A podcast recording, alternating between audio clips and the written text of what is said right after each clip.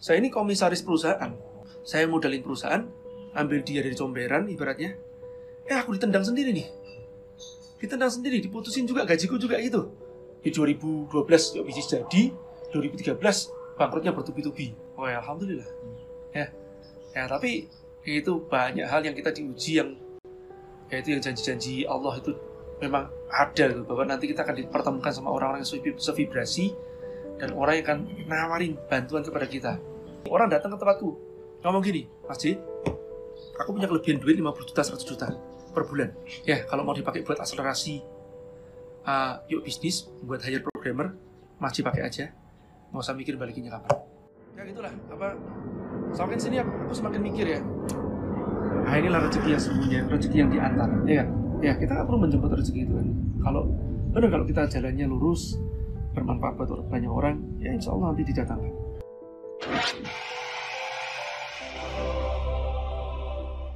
Video ini dipersembahkan oleh 101red.com. Jualan online tanpa ribet. Halo semuanya, kembali lagi ke channelnya Kristinali. Nah kali ini gue lagi sama Mas Jaya Setia Budi, tapi biasanya dipanggil Mas J. Mas J bilang gini dong, hai gitu. Hai. Terus terang baru kali ini gue deg-degan wawancara narasumber yang super terkenal ini karena dari Walah. awal dari awal gue bikin channel YouTube gue ini dari pertama kali narasumber yang gue interview selalu pasti ada yang komen interview Mas J dong Ci, interview Mas J gitu. Nah, Mas J ini buat yang belum tahu, Mas J ini adalah founder dan CEO dari Yuk Business atau singkatannya UB ya Mas ya. Iya. Sebenarnya gue seneng loh di wawancara gini. Kok gitu sih Mas? Iya. Gak apa-apa Makanya lah. ini didatengin gini sudah. datengin didatengin juga diserbu di sebenarnya kiri kanan udah ada pasukan ngejegat gitu. Oke Mas J, Mas J ini nih ya, uh, kalau gue kasih prolog ya, yang gue tahu tuh dari dari rumor-rumor yang beredar, Mas Jangan, J, jangan percaya kan. Hoax. Mas J itu terkenal banget sebagai orang tuh yang sangat dermawan dalam kasih ilmu. Dulu bayangin aja, jadi Mas J tuh bisa bikin event, ngundang ratusan orang, bisa tiga hari bahkan sampai seminggu. Itu bener-bener gratis seminarnya. Terus juga dikasih full makanan. Pokoknya tuh jor-joran banget deh. Iya nggak sih Mas J? Itu nggak hoax kan? itu bukan hoax kan? Ya ada kontribusinya teman-teman. Paling mungkin pertanyaan pertama Hmm. Aku nih Mas J. Apa sih yang yang uh, mendasari Mas J tuh bisa bikin seperti itu maksudnya sampai sedekah ilmu segitu banyak? Hmm. Apakah mungkin ada titik balik dalam kehidupan Mas J itu yang akhirnya mem- membuat udah gue kayaknya mau kontribusi aja nih ke masyarakat gitu loh. Sebenarnya dari dulu tuh saya emang nggak suka sih ya eh, yang berbayar-berbayar gitu. Mhm. Jadi kalau ke pemerintah, ke perusahaan mungkin saya cas nggak menjadi masalah. Tapi kalau ke UKM kayak nggak enak gitu. Dari dulu juga seperti gitu. Cuman ya eh, dulu kan pernah ya pas awal-awal kita gratisin di Batam gitu kan. Seminar saya pertama kali itu Juli ya 2004. Eh terus itu yang paling lucu tuh gini, karena gratis itu kadang-kadang sering diremehkan. Saya pernah itu kan datang ke acara saya sendiri, itu saya yang paling awal tuh. Hmm. Jadi nggak belum ada panitia, belum ada siapa nggak belum ada semuanya. Jadi kita datang, ya, sa- saya datang sendirian gitu. Terus saya bingung, ini belum set up bener nggak di sini ada acaranya? Nah kan gitu kan. Iya. Nah di masjid lagi gitu kan, kadang pas gitu digratisin semuanya kayak diremehkan banget gitu kan.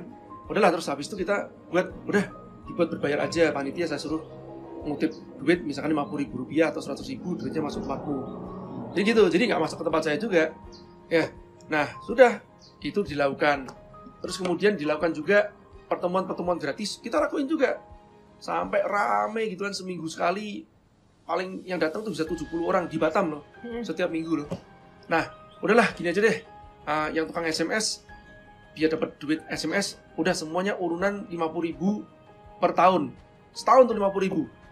Nah, kadang-kadang kan itu juga ah, cuman buat uang ah, SMS mereka, mungkin uang buat minum doang gitu kan. Ini SMS apa sih maksudnya? SMS ini loh. dulu kan heeh. Oh. Pertemuannya di mana minggu depan? Minggu depan Oke. di mana? Jadi kan kita pindah ke tempat rumah makan satu rumah makan yang lain Iya.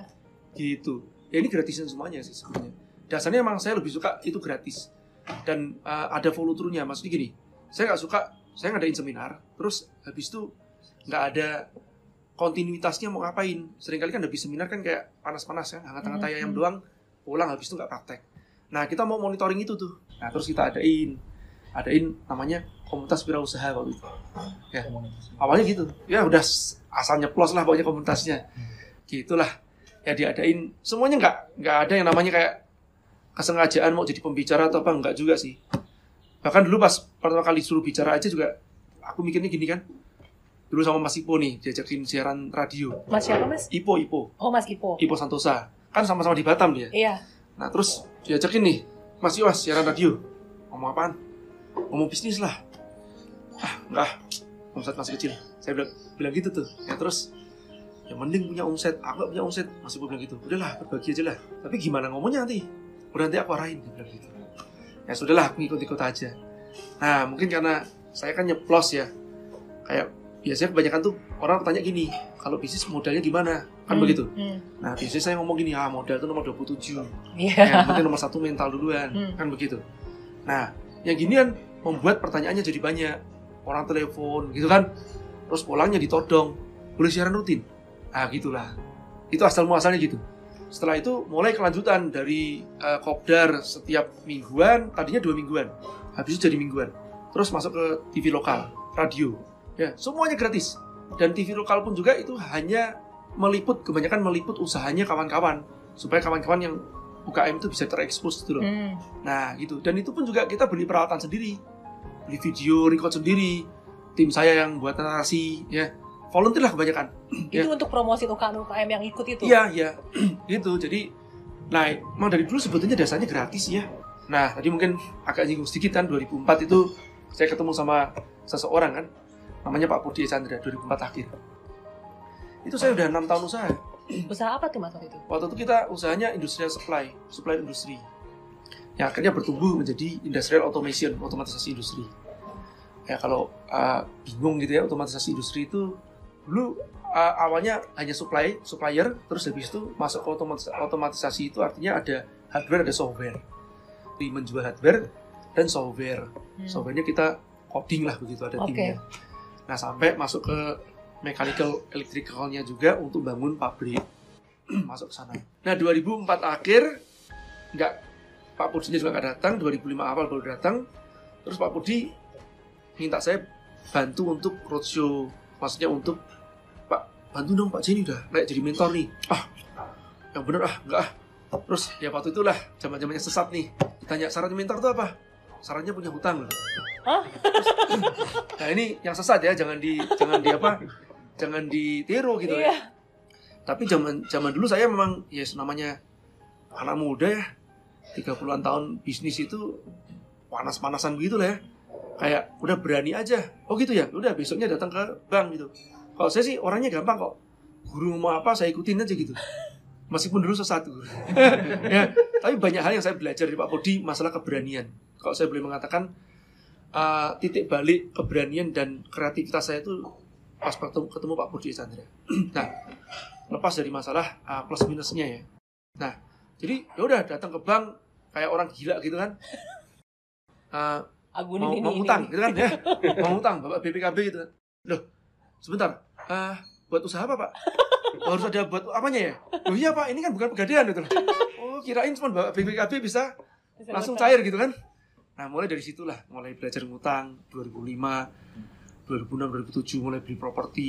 Jadi saya pas kondisi rugi 2005 itu saya beli properti dua sekaligus tuh. Rumah sama ruko sekaligus. Jadi udah udah gendeng-gendengan gitu agak gitu. ya, Itu beli properti memang ingin usahanya di bidang properti lagi mau enggak properti. enggak jadi enggak punya tempat masalahnya. Oh. Enggak punya tempat kepepet kan. Dulu kan kongsian sama orang Singapura. Terus pecah kongsi gitu, ribut-ribut. Kita nggak punya tempat kan. Nah, barang mau taruh di mana juga gitu kan. Nah, sudahlah. Kantor di mana juga daripada saya sewa tempat. Ah, saatnya meratekin ilmunya Pak Podi saat itu.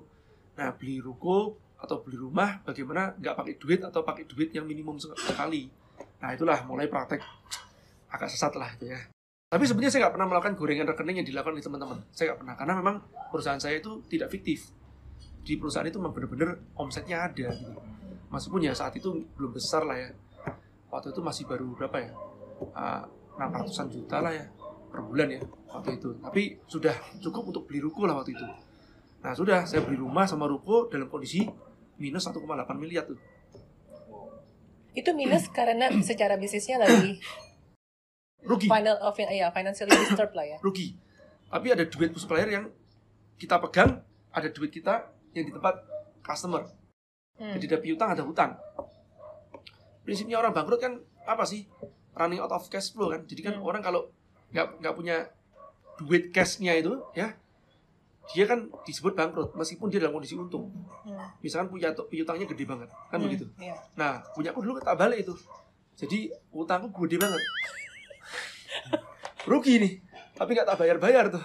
Ya salah satunya sama partner waktu itu yang di Singapura yang ribut-ribut itu sampai ya tuntut-tuntutan begitulah. Eh, dari sampai pidana perdata akhirnya digeser juga. Iya. Sebenarnya nggak ada unsur pidananya sih cuma dicari-cari. Ya saya merasakan seperti apalah kasus pidana kasus perdata. Itu bisa bangkrut apa karena kurangnya proper plan atau Nah. langsung ikutin prinsip yang penting mulai aja dulu gitu. sebenarnya gini awalnya sih eh, cukup menguntungkan ya. Sampai ya ini perasaan saya ya. Insya Allah juga ini jadi faktanya adalah ada kecurangan dari pihak partner saya. Hmm. yang tadinya harusnya kita ini menjadi agen mereka di Batam dan Indonesia. Terus pas kita buka buka lahannya terus mereka bypass. Hmm. Nah, terus kita juga tidak dikasih dari modal yang ditawarkan 100 ribu Singapura dolar. Sampai terakhir tuh hanya mengucur 16.500 dolar hanya untuk sewa properti. Dan juga beli mobil bekas pada saat awal-awal dulu. Nah, jadi nah inilah kejadian terus juga mereka bypass itu ada yang kecil-kecil kasih tempat kita, yang gede-gede diambil mereka. Saking jengkelnya, nah saya bilang gini, udahlah, gini aja deh. Kita ini aku mau ribut deh. Kita udah kasih saudara. Baik-baikan aja. Kamu ambil alih perusahaan ini. Ya, buat perusahaanmu PMA. Udah, aku tinggalin. Ya, aku serahin sama uh, manajer lah begitu. Nah, selama 2 tahun itu kerugiannya numpuk sampai 1,8 di zaman dulu. Mungkin sekitar 300-an ribu Singapura dolar. Sekarang mungkin 3 miliaran mungkin. Kira-kira. Ya. Nah, sudah. Dari situlah pas pas rugi begitu, dia tidak mau mengakui itu perusahaannya dia lagi. Gitu. Jadi akhirnya tuntut-tuntutan. Dia anggap saya pidana, ya. Nggak melaporkan padahal laporan keuangan semua komplit. Terus akhirnya tuntutan perdata, ya. Dan nah, karena tuntutan perdata statusnya kuo tuh. Akhirnya duit yang uh, sebenarnya nggak ada duit sih waktu itu. Cuman ada piutang. Ya, kita punya masih punya piutang yang belum tertagih. Nah, piutang itulah yang perlahan-lahan kita tagih, kita buka pakai untuk itu DP rumah, DP ruko, sama buat usaha lagi. Oh, oke. Jalan lagi, naik lagi. Begitu. Nah, sampai ya itu. Dulu kan kita mulai usaha itu nggak ngerti mau mulai usaha itu sebetulnya idealnya seperti apa usahanya dan usaha apa yang aku benar-benar suka. Ibaratnya nggak ada nggak ada banyak pilihan. Kita keluar di Astra sebagai purchaser, udah mikirnya sebagai ini aja deh, uh, trader aja deh paling gampang kan usaha yang nggak pakai duit kan, palu gak ada loh, apa lu mau gua ada. Ya dulu keliling gitu, naik ojek to door begitu. Cuman modal kartu nama. Padahal barangnya ya ya belum ada gitu kan kita ngomong aku cariin aku cariin kan gitu. Nah, jadi dari situ sampai 2005 setelah pecah kongsi saya udah merintis usaha yang lain juga Itu masih di Batam nih? masih di Batam. Hmm. Nah, cuman memang gitu kembali lagi. Ini usaha sebenarnya bukan suatu yang ideal yang saya suka. Apa yang saya nggak suka? Saya nggak suka. Saya pada dasarnya B2B saya kurang suka. Hmm. Kenapa? Banyak entertain sama ini. Iya. Ah itu tuh. Nah waktu itu udah mulai insaf-insaf nih, ya. udah mulai kayak misalkan saya pada dasarnya nggak suka sih sama kehidupan malam. Jadi saya melakukan entertain itu ya keterpaksaan banget lah gitu loh. Jadi default saya ya kalau pas nggak entertain ya saya nggak pernah ke cafe aja nggak pernah gitu loh. Ya jadi nggak suka nongkrong. Saya paling cuma apa nonton film, mancing, ya kan gitu Hmm. itu yang tak lakuin nah jadi bertolak belakang kan begitu sudah mulai berpikir untuk hijrah gitu kan nah waktu itu kan ya dari fenomenanya lihat keluarga kok jadi nggak bener gitu kan. Ah, ribut-ribut melulu kan begitu ya. Nah udah nih ada nggak beres sih sama uangku nih kan. Karena kan ya itulah uang haram tuh dimakan setan. Termasuk juga di dalam organisasi juga begitu juga. Karena kita ngajarin nih contoh nih kita ngajarin orang untuk ngasih suap nih akhirnya nanti dia terbiasa mentoleransi value kan? Hmm. terus nanti dia juga setelah itu juga mentoleransi value untuk ah ngambil sedikit nggak apa-apa juga nih. Hmm. ke tempat saya juga ngambil juga. Kan begitu loh. Nah itu uang haram dimakan setan dah. Ini setannya mau nunjuk gini nih. Jadi ya aku putusin gini agak susah nih kalau seandainya kita masih di Batam terus. Udahlah nekat aja deh hijrah. Jadi saya pas ngomong hijrah? Itu kondisi, kondisi perusahaan dalam kondisi menguntungkan nah kalau pasif income ya saya punya lah. Cukup lumayan lah di zaman dulu ya. Nggak bisa sama anak sekarang mungkin beda ya udah gede-gede nih anak IM nah, zaman dulu juga lebih dari cukup. Kalau ya kalau saya itu kehidupan juga tidak mewah-mewah. Tapi kalau buat beli pakaian yang masuk ke mall nggak kurang-kurang kan gitu loh. Mau sepatu merek apa ya nggak kurang-kurang. Tapi nggak saya nggak beli berdasarkan mewah sih ya. Berkualitas tuh ya nggak kurang-kurang lah dalam hal itu. Punya mobil yang cukup mewah nggak kurang-kurang gitu ya nah cuman balik. Setelah itu udah kita putuskan untuk hijrah. Pas saya mau hijrah saya mikirnya dulu waktu itu kan punya tanggungan orang tua apa kan. Nah sudah saya nyari rumah yang deket sama kebun buat mensiunin orang tua di mana ya? Dulu kan papa juga ikut di Batam juga ada kebun di sana juga. Ah, sudah disentul saya mikir. Nah pas sudah terlanjur DP disentul papa meninggal. Wah ngapain juga aku tinggal di sentul ya malah susah banget aksesnya untuk ke bandara juga udah saya akhirnya transit ke Kelapa Gading tuh. Nah dua tahun di situ. Nggak betah tuh. Kenapa nggak betah? satu saya nggak ada kerjaan. Kan office di Batam nih. Di situ pun juga ada office tapi office IEA yang entrepreneur academy saya waktu itu buka juga IEA di Jakarta sama di di Bandung. Nah jadi tapi nggak banyak. Relatif kan sudah kan saya kan memang membuat sistem ya. Buatin SOP buatin sistem ada orang-orang. Jadi agak sedikit jarang ke office juga. Nah saya tuh dulu di Kelapa Gading ke MKG itu seminggu bisa tiga kali. Loh cuma apa belanja lihat ini kepengen belanja itu kepengen belanja. Kayak gitu tuh. Ya nggak bener juga nih. Ah udahlah. Terus lagian mau keluar macet itu macet. Bego banget ya tinggal di Jakarta itu? Kan? Kan? Tinggal di Jakarta. Kita masih orang-orang bego nih. akhirnya apa? Tak putuskan. Udahlah. Pindah sekalian cari di Bandung. Nah udah aku cari di Bandung nih. Begitu nyampe Bandung ah suka nih aku. Eh begitu lihat di sini nih udah ini ideal nih tinggal di sinilah cuman nah itu pas saya tinggalin satu persatu dimalingin nih. Ya dimalingin ya sama direktur saya lah. Ya alhamdulillah saya malah seneng lah. Ya makanya kita pada saat kita mengajarkan orang yang nggak bener mesti nanti kita dapat si malakamanya. Ini kan dulu kita ngajarin orang esek-esek ya. Sekarang kita diesek-esek sama mereka jadi ditilapin duitnya satu persatu. Dilelang satu persatu tuh. Tapi saya udah janji sih waktu itu ah, aku lepasin. Saya udah bilang itu aku lepasin apa mau megang lagi. Termasuk maksudnya nggak mau megang tuh maksudnya apa? Nggak mau mikirin duitnya. Waktu itu saya mikirkan gitu supaya apa? Supaya udah saya nggak berharap. Kalau aku berharap Senewan nah Hmm. yang di Batam itu properti ada lima sekarang lagi proses lelang satu persatu ya untuk bayarin hutang-hutang kerugian uh, bisnis yang di Batam ada dari untung ya sampai rugi. Ya untung untungnya bisa miliaran Sekarang nih, belasan miliar mungkin puluhan miliar ya per tahun sampai rugi. Sekarang lagi rugi. Uh, yang sana sih jualin. Tapi kan PT ya jadi saya asetnya sih cukup lah untuk bayar utang-utangnya saya ini komisaris perusahaan. Saya modalin perusahaan ambil dia dari comberan ibaratnya. Eh aku ditendang sendiri nih. Ditendang sendiri diputusin juga gajiku juga itu hah ya sampai dia bilang "Ah, perusahaan kita belum butuh apa komisaris? Hah? Nggak salah loh. Gua yang buat perusahaan ini gitu kan. Kan nah ya sudahlah. Saya terima. Kan buat aku sih tak terima aja. Mungkin ini memang pembersihan kan. Daripada nanti aku makan sesuatu yang malah nggak jelas buat anak istriku kan. Nah itu udah pembersihan. Minus minusan ya tak terima. Ya tapi dari situ banyak hikmah yang aku pelajari termasuk apa? Otak itu berjalan 10 kali lebih cepat gitu kan? Lebih cerdas dibandingkan sebelumnya. Ya kenapa? Kepepet gitu kan? Ya apalagi masih pegang idealisme tentang yuk bisnis jangan sampai nanti dipegang sama asing. Nah itu pun juga uh, dapat cara-cara nggak pernah kepikirkan sebelumnya.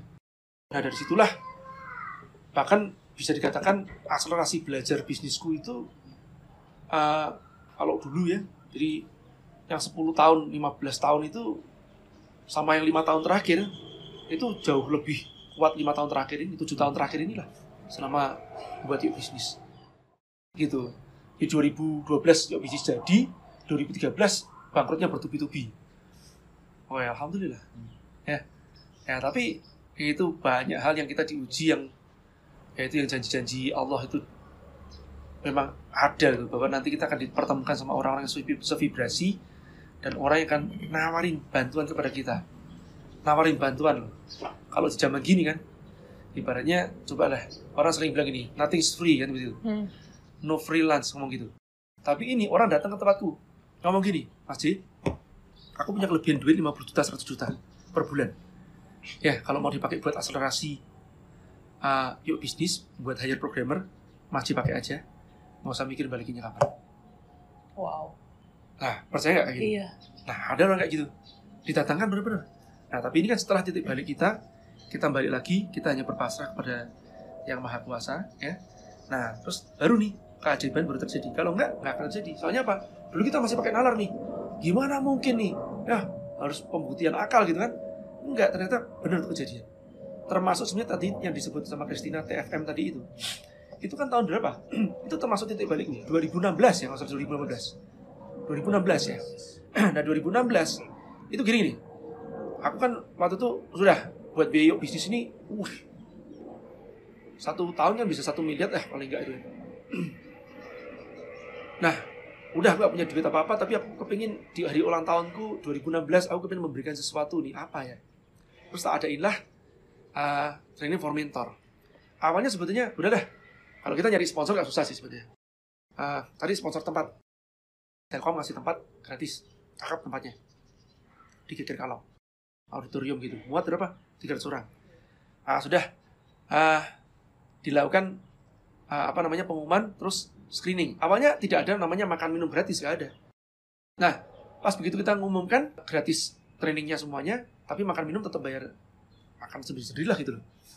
Eh ada yang satu orang Maji saya udah transfer 10 juta tadi ke rekening bisnis. Awalnya dia tanya Maji rekeningnya berapa? Ntar mau buat apa? Ah, mau donasi buat buat apa acaranya Maji. Nggak usah nggak usah. Ah, ntar kita nggak perlu kok. Mau ada ini kok ada tempatnya sudah diberesin kok. Nggak apa Maji terus. Eh besoknya udah bilang Maji aku udah transfer ke tempat rekening bisnis.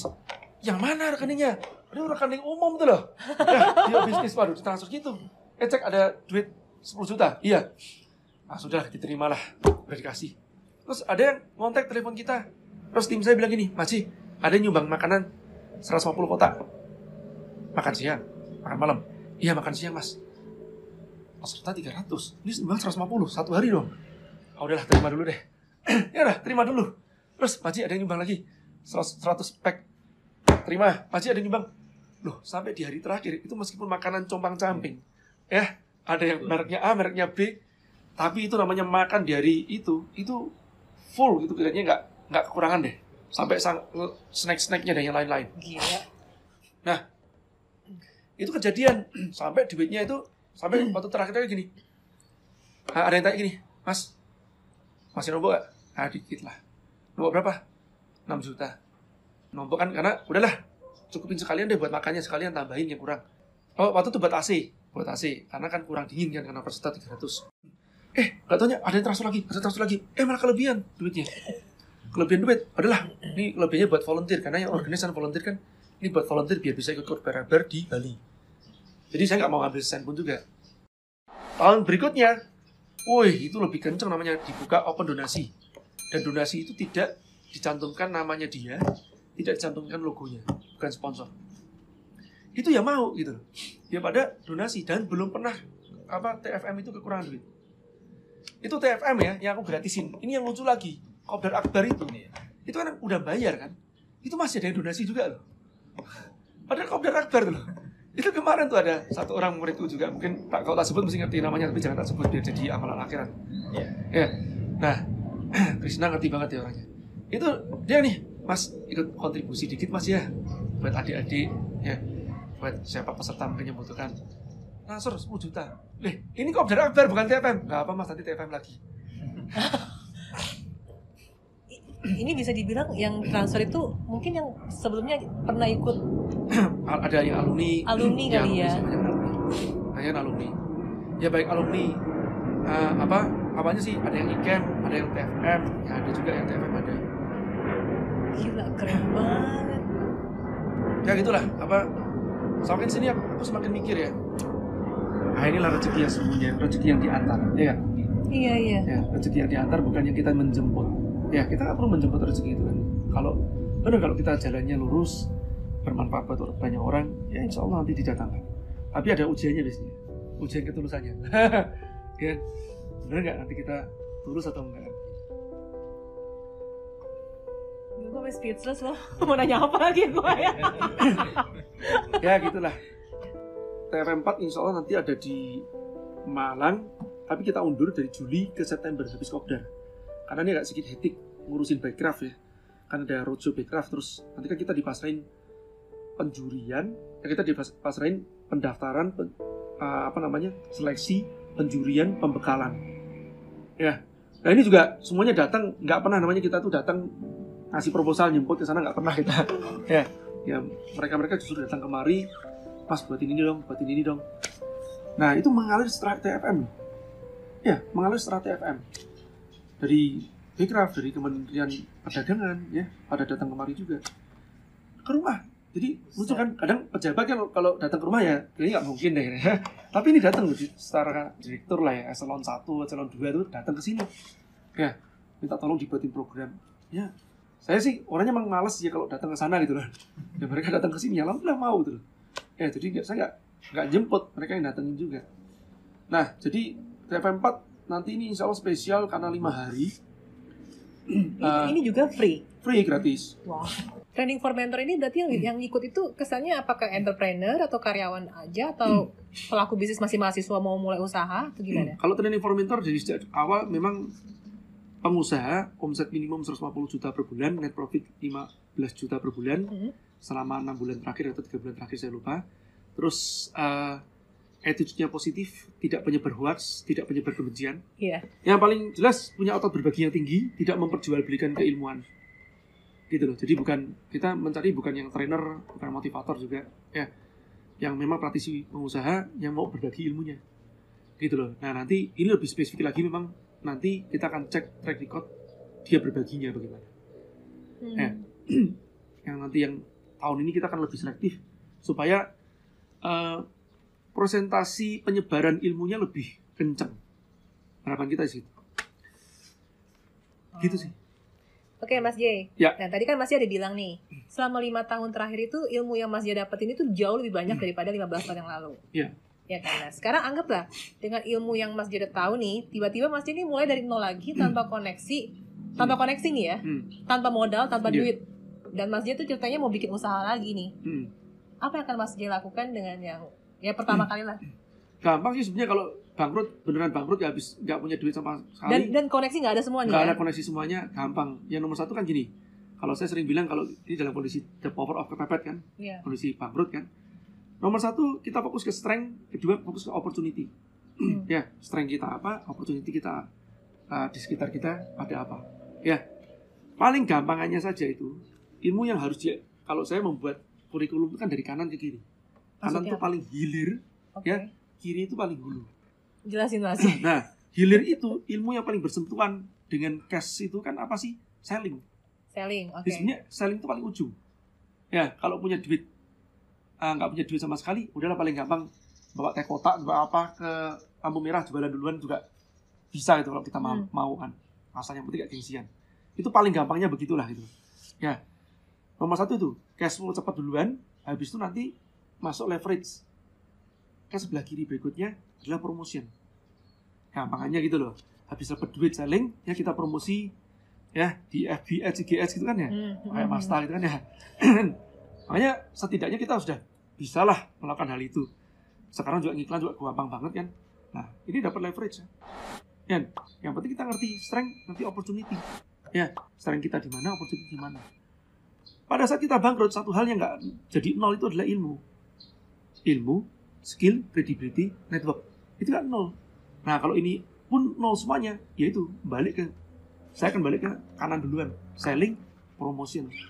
Nah baru nanti penciptaan produk ya atau kalau saya sering sebut namanya strategi positioning lah. Ya menang bersaing ya baru ke kiri lagi nanti belajar branding. Itu nanti tahapan. Yang paling penting dapur ngepul duluan seberapa penting sih kita punya koneksi dengan maksudnya menjalin silaturahmi dengan orang-orang gitu loh ke bisnis kita sendiri? Pasti penting ya. Karena kalau kita bicara masalah rezeki itu kan kenapa kok silaturahmi sendiri itu kan memperpanjang umur dan eh, apa namanya eh, memperlancar rezeki. Itu kan sebetulnya jangan diambil harfiahnya oh kita umur kita tadinya 70 jadi 80 ya belum tentu seperti itu. Kita ngerti matinya kapan soalnya ya tapi gampangnya gini. Eh, memperpanjang umur itu artinya apa? Kita yang tadinya nyari ilmu itu kalau sendirian itu butuh waktu tiga tahun eh gara-gara aku kenal sama Lulung eh dikasih ilmunya sama Lulung nggak usah pakai tiga tahun deh. Ya dua minggu kelar itu ilmu. Jadi usiaku bisa lebih panjang gitu kan. Oke. anggap aja begitu gampangannya begitu kan. Ya. Nah nah itu yang disebut memperpanjang usia terus satu lagi yang memperlancar rezeki nah contoh memperlancar rezeki kan gini kalau saya bicara masalah universal deh, nggak usah bicara masalah agama tertentu. saya sering mengatakan ada dua hal pada saat kita berikhtiar, dapat hambatan atau dapat kemudahan. Iya kan? Misalkan begini nih, adik Kristina mau pergi ketemu sama saya dari Jakarta. Eh, kena macet. Itu hambatan. Nggak pernah ngerti kita kapan macetnya. Tapi kebetulan pas Kristina mau datang ke sini, saya pas kebetulan juga ada telepon mendadak, menda- mendadak mendesak saya harus ke Jakarta. Akhirnya saya nggak jadi. Eh di sana belum sampai ke sini kena macet. Saya udah keburu ke Jakarta. Udah Chris kita, kita ketemu di Jakarta aja deh. Ya atau di Bekasi aja deh. Kamu di mana sekarang? Eh aku lagi di Bekasi nih. Dapat kemudahan. Hambatan ada kemudahan ada. Yang menggerakkan itu semua siapa? Ya nah Allah yang menggerakkan. Ya Tuhan yang menggerakkan itu semuanya. Ya kita baik dapat kemudahan ataupun hambatan. Akal asalkan yang penting kita mengimani. Nah bisa jadi karena silaturahmi kita ini dan bukan bisa jadi memang iya hukumnya hukum alamnya seperti itu. Ya pada saatnya aku misalkan hanya punya database seribu Lulung punya database seribu. Ini kan networking. Mhm. eh Lung aku lagi buntu nih. Kenapa? Cari percetakan yang bagus tuh di mana sih lalu ah itu mah gampang kok sih. Ya yang ginian ini di sini ada nih temenku atau apa. Iya. ya aku gak usah nyari-nyari kan gak usah repot-repot. Nah, itu kan juga rezeki. Rezeki bentuknya informasi kemudahan. Iya nggak? Nah inilah pentingnya networking kan gitu. Tapi balik lagi networking ini ada fondasinya. Fondasinya adalah kredibilitas. Kita punya network banyak tapi networknya apa? Ah, network yang kita sakitin. Ya network tersakiti gitu kan. Akhirnya lulung nih ah boro-boro ngasih tahu kamu ah kalau bisa gak usah ngasih tahu ah. Ya nyungsep sana nyungsep bisnismu. Kan ya kan begitu. Kenapa? Karena networking yang disakitin gitu loh. Nah beda beda kalau networking yang di yang dia apa namanya mungkin kita nebar manfaat dulunya. Eh jangankan kita tanya sama dia dia sudah menghampiri kita lebih dahulu. Iya nggak? Iya. ini yang saya rasakan termasuk apa? Itu loh. Rumah saya itu ya bisa dikatakan nyaris tidak pernah berhenti ada makanan datang. Udah beberapa tahun inilah mungkin 3-5 tahun inilah. Ya namanya makanan nggak pernah sepi loh. Ada datang aja datang aja datang aja. Gitu. Baik itu berupa tester tapi kalau tester ya banyak juga gitu ya. Suruh ngetes gitu kan. Ataupun juga emang beneran dikirimin. Ada yang beli ke tempat mana dikirim ke sini digojekin atau apa? Ya ya alhamdulillah itu namanya gitu nggak disangka banget itu. Apalagi kalau mau lebaran gini itu itu yang sebenarnya kan ada box-boxan itu. Mhm. nah itu. Itu kayak mami dia itu kalau ngirimin ya udah. Itu ngirimin ya cuma satu box empat box empat lima box. Belum termasuk tim saya. Tim saya udah dikirimin lagi juga semuanya. Satu persatu. Gila. Oke Mas J, tadi kan uh, kita jadi berarti mesti perbanyak network juga sebisa mungkin lah ya Hmm. jalin silaturahmi. saya sebentar duluan ya bicara masalah network itu. Oke, bukan berarti gini ya kita datang terus kita punya niatan bangun network. Itu harus hati-hati loh. Oke. soalnya nanti sering kita niatannya bangun network untuk apa? Untuk supaya ah, dapat akses. Oh iya, ah itu itu sudah niatannya nggak bener loh. Iya. kalau kita mau bangun network ya niatnya cuma simpel aja. Apa yang bisa gua kasih apa Bener, yang bisa gua bagi itu aja bener. jadi jangan datang ke tempat suatu Karena institusi organisasi doang. gitu kan aku bisa dapat apa di sini jadi pernah waktu itu kan pertanyaan ada yang datang ke tempat organisasi kita terus tanya mas kalau aku gabung aku dapat apa nggak dapat apa-apa terus kalau aku dapat apa-apa ngapain aku gabung ya ngapain lu gabung nggak usah lah Gak bayar juga kan Iya. lagi kan? lah nggak nggak dibayar juga kan Iya, makanya masih nanya lagi tuh Kan. aneh. Nah kita ke sini juga datang sama-sama untuk berbagi kok gitu loh. Iya, Nah kenapa kok kamu harus mentalnya miskin gitu loh? Nah itu kan Iya. mental pengemis kan. iya, iya. Jadi mentalnya harus kaya duluan. banget. Kalau mentalnya orang kaya itu giving, ya, bukan taking kan gitu loh. Giving kalau orang kaya. Mentalnya itu. Tapi nggak harus kita bicara masalah kaya itu kondisi gitu loh. Enggak kok. Saya ambil contoh nih ya. ini ada satu orang, namanya Andi Ajo. Nah ini eh, mimpi saya juga lah. Ya. Dia dia dulu di Padang eh, usaha bakso, terus kepepet masalah per- perseteruan lah sama partnernya gitu loh, dosennya dia lah. Suatu saat nggak sengaja lah, dia dia pas saya datang ke sana, dia ngikut seminar saya aja berobos, alias nggak resmi itu, ilegal. Terus mentoring di belakang juga berobos juga, nggak resmi juga, sudah. Selesai, nggak ketemu lagi, beberapa saat kemudian saya datang ke sana lagi, pas kebetulan saya makan di sampingnya dia. Pas begitu saya makan, dia nawarin baksonya saya, ini enak loh baksonya. Terus dia cerita lagi permasalahannya yang dia pernah ceritakan ke saya yang saya udah lupa waktu itu. Sudah gini, solusinya gampang. Kamu tinggalin. Ini kasusmu tidak ada pidananya, tidak ada apanya. Kamu cuma dijahilin sama orang aja, kamu tinggalin aja. Ya, kamu hijrah. Ke mana? Kamu? Jakarta, Pak. Ya sudah ke Jakarta. Ini tinggal duit 300 ribu rupiah. Tapi satu hal yang aku salut sama dia itu apa? Aku ingat banget pada saat di Kelapa Gading dulu, awal-awal jadi masih ngemper lah di pinggiran gitu kan. "Ah, Pak, adik boleh mentoring? Oh, Pak, oh boleh. Ya, nanti kamu tungguin di bawah ya. Karena apartemen orang suka kalau diterima di rumah kan. Udah di bawah aja deh, di Olala, kafe Olala. Sudah di situ tuh. ah, kamu pesan makan. Jadi saya pesan makanan, pesan minuman. Sana, kamu pesan. Ah, dia diem. Enggak, Pak. Minum aja, Pak. Udah pesan minum nih. Teh manis gitu kan. Diem. Terus, ngomong-ngomong, tanya jawab, tanya jawab, tanya jawab. Ya, tapi lebih banyak aku yang terocos gitu kan. Dia kayak tegang gitu. Ya, terus terakhir-terakhir gini. Udah gitu ya, katakin ya. Oh siapa? Pak, maaf Pak. Adik gak bawa duit Pak. Cuma bawa duit 50 ribu aja Pak. Terus ngapain? Nanti ini adik bayarin gimana Pak? Ah kamu nih. Udah, aku yang bayar lah. Ngapain kamu bayarin? Saya gituin kan.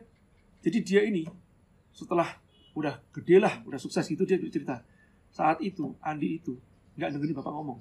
Andi cuma mikirin bayarnya nanti gimana. Tahu nggak? Ini orang ya miskin tapi punya mental kaya. Ya? Dia aja nggak mau loh dibayar kayak gitu. Iya.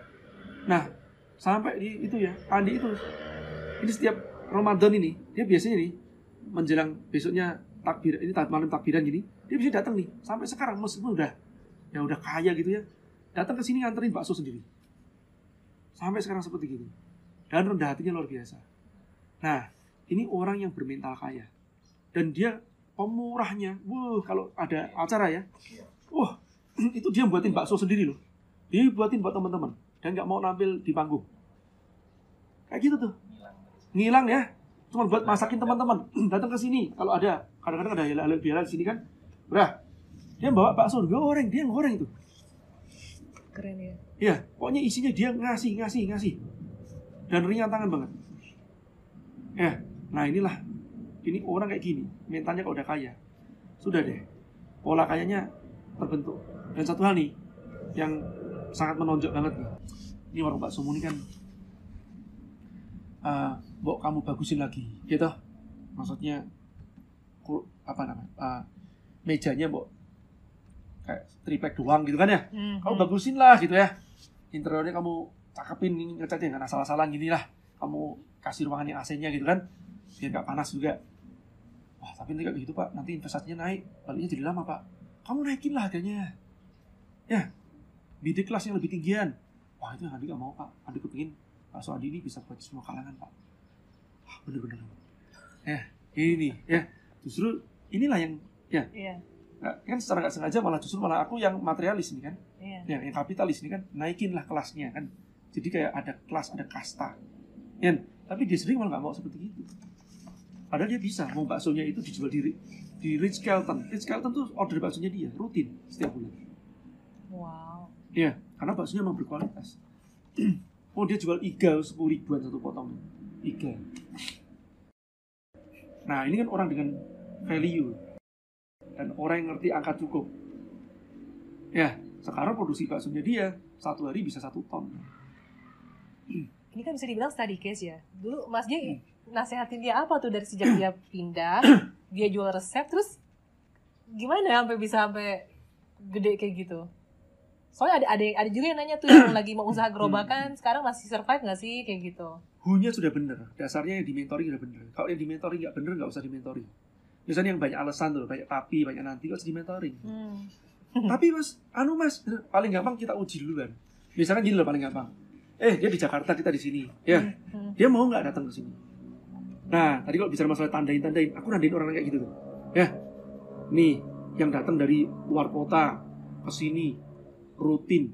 Ya, ada orang-orang tuh ya yang datang ke ICAM itu, entrepreneur camp, pelatihan kita yang Ada lagi ya? ya Oke. sejak tahun 2006 kan. Nah ini kan memang pelatihan setengah cuci otak nih. Jadi kalau yang mindsetnya salah, larinya ke sana kan. Nah, waktu pas ICAM Surabaya itu masih ada, itu setiap kali ICAM, ini anak ini datang nih. Dan satu setengah tahun aku nggak tanya dia namanya siapa, ya, nggak tak mentoring juga.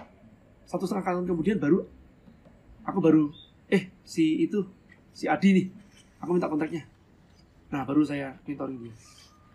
Tapi selama satu setengah tahun dia datang nih, bawa makanan nggak cuma buat aku, buat fasilitator juga iya. Itu nggak pernah putus. Nah kita mau lihat seperti apa nih anak ini attitude-nya. Nah begitu bagus kita mentoring. Ya kalau banyak alasan, banyak tapi, banyak nanti, nggak usah di mentoring. Jadi Andi ini dasarnya attitude-nya sudah bagus. Kerja keras, tekun, nggak serakah, fokus dia, humble orangnya, ya tidak gengsian. Nah. Ini kayak gini bakal jadi deh. Oke, jadi dengan secara hunya udah Hmm, hmm. udah oke, dari situ eh, kesuksesan dia sampai jadi jadi mulai mulai dengan dengan akhirnya mulai dengan jualan resep itu ke mana-mana gitu ya. Iya, iya. Jadi memang fundamentalnya dia kuat. Heeh. Dia fundamentalnya itu satu ya. Artinya hatinya bening ya. Hmm. Niatnya dia mau buat bakso yang berkualitas. Sampai dia tuh milih daging aja tuh sampai sekarang susah didelegasikan. Dia milih daging tertentu Hmm. yang masih fresh seperti gini. Dia dia bisa milih sapi yang disuntik yang enggak seperti apa. Hmm. Kan? Nah, terus dia nggak mau gaji-gaji itu dimasukin ke dalam situ nanti apa kolesterol tinggi atau apa Hmm. itu dia jaga itu padahal bagi kita mungkin nggak benar-benar membutuhkan itu sampai aku sering bilang gini ini gara-gara kamu dagingnya berkualitas kadang-kadang jadi keras nih dan cepat kenyang soalnya padat banget baksonya dia. Tapi dia bilang ya emang itu pilihannya dia itu. Memberikan yang berkualitas. Karena yang sekarang kan kita banyaknya suka yang campuran gaji mungkin Iya, iya. nggak berkualitas loh ya dan itu kan menyebabkan penyakit juga kan gitu. Tapi Andi nggak begitu dia punya value.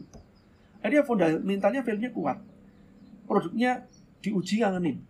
Ya terjun secara langsung nggak buru-buru. Akhirnya fondasi jadi kuat. Napaknya Nah, tapi ini juga uh, uh, bisa juga ada minusnya di mana ketika seorang owner itu begitu melekat dengan bisnisnya ya. Hmm. Sementara kan kita ibaratnya leader create leader lah di mana kalau Iya. kita tahu amit-amit pass away ada yang nerusin. Nah, Hmm. menurut Mas J itu sendiri Hmm. gimana biar biar si contoh seperti Andi ini Iya.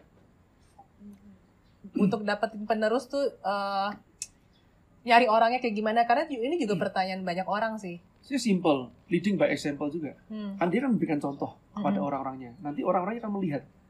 Makanya kalau bicara masalah leadership kan ada tahapan lima kan. Nah, Andi ini sudah di tahapan setidaknya tiga. Ya, proven. Ya, ya ibaratnya dia diikutin karena sudah ada buktinya. Gimana gini, Long-Long ini diikutin oleh timnya. Orang Jawa bilang namanya sembodo, pantas untuk diikutin. Hmm. Kenapa? Karena dia punya ilmu, dia ngerti. Ya, bahkan di bawahnya nggak bisa namanya ngeles sama Long-Long. Kelas tabok, ya gue lebih lebih daripada lo gitu kan ya. kan namanya begitu. Iya. Ini proven dia sudah menapaki tangga itu. Nah tinggal naik di atasnya lagi nanti kan gitu. Ya, nah pemimpin yang memberdayakan itu sendiri jadi. Nah yang memberdayakan itu nanti baru kita bicara masalah ah, bagaimana supaya kita itu bisa mendelegasikan. Ya, delegating effectively kan gitu ya. Mendelegasikan kan prinsipnya simple. Saya melakukan, kamu melihat, kamu melakukan, saya melihat atau memonitor begini. Yang kemudian kan dia melakukan, kita tidak melihat. Kan begitu. Nah, tapi kan di sini kan ada suatu proses pada saat kita mengizinkan dia melakukan dengan kita mungkin tidak melihat ataupun dengan saat kita melihat kita mengizinkan dia untuk berbuat kesalahan. Nah prinsip pendelegasian seperti itu menciptakan leader tidak bisa seperti menciptakan follower. Kalau follower prosedural, kalau leader harus opsional. Contoh-contohnya begini, pas memberikan suatu perintah, kadang-kadang nggak dikasih clue bagaimana caranya. Ya, nah ini kan bicara masalah metode atau uh, formulanya untuk menjadi seorang leader yang menciptakan leader lagi bagaimana. Hmm. Ya, ya itu karena dia harus menciptakan seorang yang opsional bukan yang prosedural. Ya, makanya dia mengubah dari yang tadinya ngajarinnya seperti gini. Ini ya, uh, kamu kerjakan ini. Caranya begini, ini begini, ini begini. Nah, ini dibalik. Ini enggak, ini disingkirkan. Ya, oke. Uh, tugasmu adalah ini. Outcome-nya adalah ini. Oke, caranya Pak? Caranya silahkan kamu pikirkan. Itu create leader. ya, tapi seperti ini pasti nanti akan ada fase dia berbuat kesalahan. Tentu aja yang terukur, tertakar. Kan kita kan challenge-nya kan pasti kan ada takarannya. Tidak semuanya langsung kalau dia misalkan ya kemampuannya dia lompat uh, 2 meter ya jangan suruh lompat 5 meter gitu. Ya, 2 meter, 2 meter 20, 2 meter, 2 meter 50 kan begitu. Jadi ada risiko dia jatuh tapi tidak fatal banget gitu. Nah, untuk menciptakan leader seperti itu. Untuk menciptakan pengusaha, caranya juga seperti itu. Ya, makanya kayak anak saya pun juga begitu juga. Nggak ada namanya anak saya bisa tanya gini, ini gimana pak, ini gimana pak? Coba cari di YouTube dulu kan, cari di Google dulu kan. Ada nggak? Atau cari di bukunya papa yang ini, cari di videonya papa yang ini. Nah gitu. Nah, dia nonton. Jangan dikasih clue-nya semuanya. Kalau kasih clue-nya semuanya, dia tidak akan mandiri secara belajar, ya, terus dia tidak akan kreatif ya dan nggak punya keberanian nantinya jadi harus ada keberanian untuk berbuat kesalahan nah kita kita berani untuk mengizinkan mereka berbuat salah gitu loh ya pasti gitu Oke, mungkin untuk pertanyaan terakhir kali ya. hmm. hmm. Terakhir gak, Alhamdulillah, terakhir gak nih? Mengenai perang harga. Ya Nah, ini sekarang uh, banyak sekali ya para mau itu pemain marketplace atau yang Hmm. punya brand sendiri, bikin produk sendiri. Sementara kan uh, bisa dibilang udah mulai banyak nih toko-toko dari negara langsungnya Hmm. bisa jualan di Indonesia melalui Ya, betul, marketplace. Benar. itu itu satu. Bisa juga ada yang pemain offline, pemain offline misalnya jualan ayam geprek nih. Tiba-tiba tapi tetangganya bisa jualan ayam geprek cuma harganya 5000 udah plus nasi plus Iya, iya. jamur gitu kan. Nah, mungkin mungkin kalau kita jawabnya secara klise ya ya lu tambahin lah value apa yang bisa lo tambahin gitu kan. Hmm. Tapi ya coba mungkin ada yang Mas Ji bisa tambahin nggak? nomor satu ya kalau kenapa harus jadi perang harga karena kita bisa dibandingin sama yang lain itu aja Iya. ya Oke. terus memberikan pasarnya adalah orang yang sensitif terhadap harga gitu Iya Kan benar sih. Iya. ya nah sekarang gini sama-sama ayam geprek tapi kalau beneran punya kita enak banget sama yang cuma sekedar 5000 yang 5000 itu kan target pasarnya mahasiswa mungkin. Iya. ya. Nah ini kan target pasarnya beda. Mungkin eksekutif muda atau apa. Kan berbeda. Tapi bener nggak berkualitas? Ya. Kedua kita itu jangan latah gitu. Sana ayam geprek kita buat ayam geprek. Akhirnya cepat jamur. Ya. Kalau demand sama supply-nya ya banyakkan supply-nya ya pasti harga pasti akan Hancur. banting-bantingan lah. banding-bandingan, iya. Nah, makanya masuk ke sepatu yang tidak mudah untuk dibanding harganya atau dibandingkan sama yang lain. Makanya kemarin saya membuat tulisan nih. Bahkan saya udah nulis ayam geprek sebelum ada pertanyaan ini sudah saya tulis contohnya ayam geprek duluan. Ya, uh, produk penetrasi harus ngerti produk penetrasi, produk unggulan, ya, sama produk pasangan. Nah, bicara masalah produk penetrasi inilah ayam, ayam, sate ayam, nasi goreng, uh, terus bakso. Nah, ini produk penetrasi, produk sejuta umat yang harganya tertakar.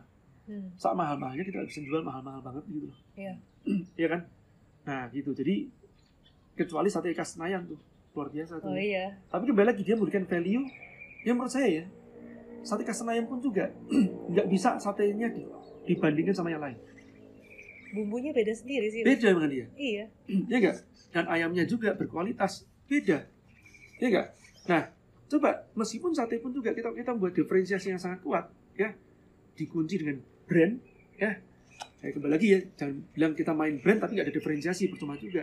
Ya brand itu di bawahnya ada diferensiasi. Ya, value kan begitu.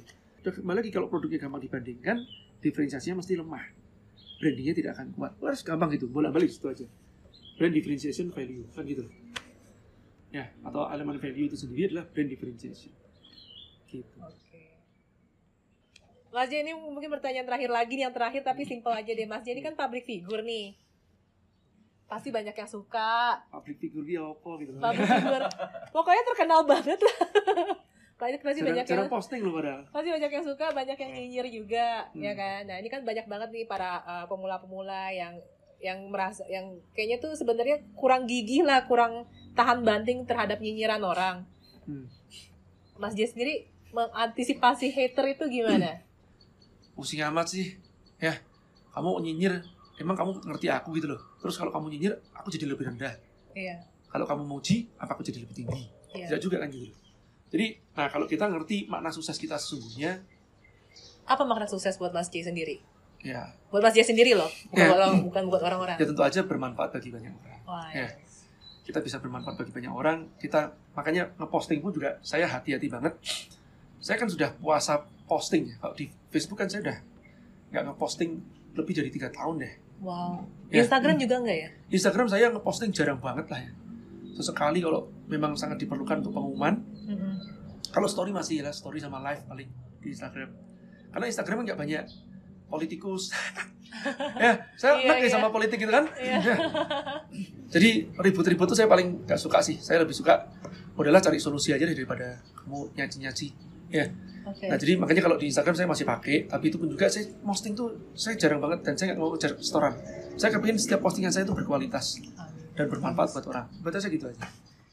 Mas J mau tanya, Hmm. Eh, kan orang tuh taunya Mas J itu adalah pemilik bisnis, pemilik yuk bisnis, young entrepreneur, academy, kemudian ada lagi eh, training for mentor. Mas J sendiri tuh punya nggak sih bisnis-bisnis lain yang bener-bener kayak mungkin offline atau di luar itu gitu loh? Kalau offline tuh ya bisnis offline juga. Oke. Maksudnya apa office-nya juga nyata. Ya. Karyawannya juga ada 30-an. Ya. Kalau saya udah tadi saya ceritain ya bilang di Iya. sejak awal kan Iya. bahwa uh, perjalanan bisnis saya ada di Batam. Ya. Terus saya tinggalkan sejak tahun 2010 mulai physically saya tinggalkan 2013 alhamdulillah mulai bertumbangan Iya. Dan sebagian memang saya tut- ada yang saya tutup juga di sana. Saya sih pada dasarnya gini, saya agak sedikit boring juga sih. Satu, saya sering bilang sama tim saya juga, meskipun termasuk bisnis pun juga saya mengatakan bahwa aku bosen cari duit sebenarnya. Gitu loh. Jadi saya tidak apa ya, saya bangun sekarang bisnis yang saya bangun tuh lebih cenderung ke arah social business enterprise. Eh, kayak yuk bisnis pun juga satu, yuk bisnis build to wakaf bukan build to sell. Artinya saya bangun bisnis ini nantinya akan saya wakafkan. Ya, nggak akan saya tinggalkan, wariskan ke anak cucu saya. Ya, kedua, saya kepingin membuat suatu usaha atau suatu platform yang kalau diterapin sama teman-teman ya, ini bisa banyak membantu UKM-UKM kita gitu. Ya, bisa jembatanin UKM-UKM kita, bisa mempertemukan mereka-mereka semuanya. Nah, itu yang kepingin tak buat seperti itu.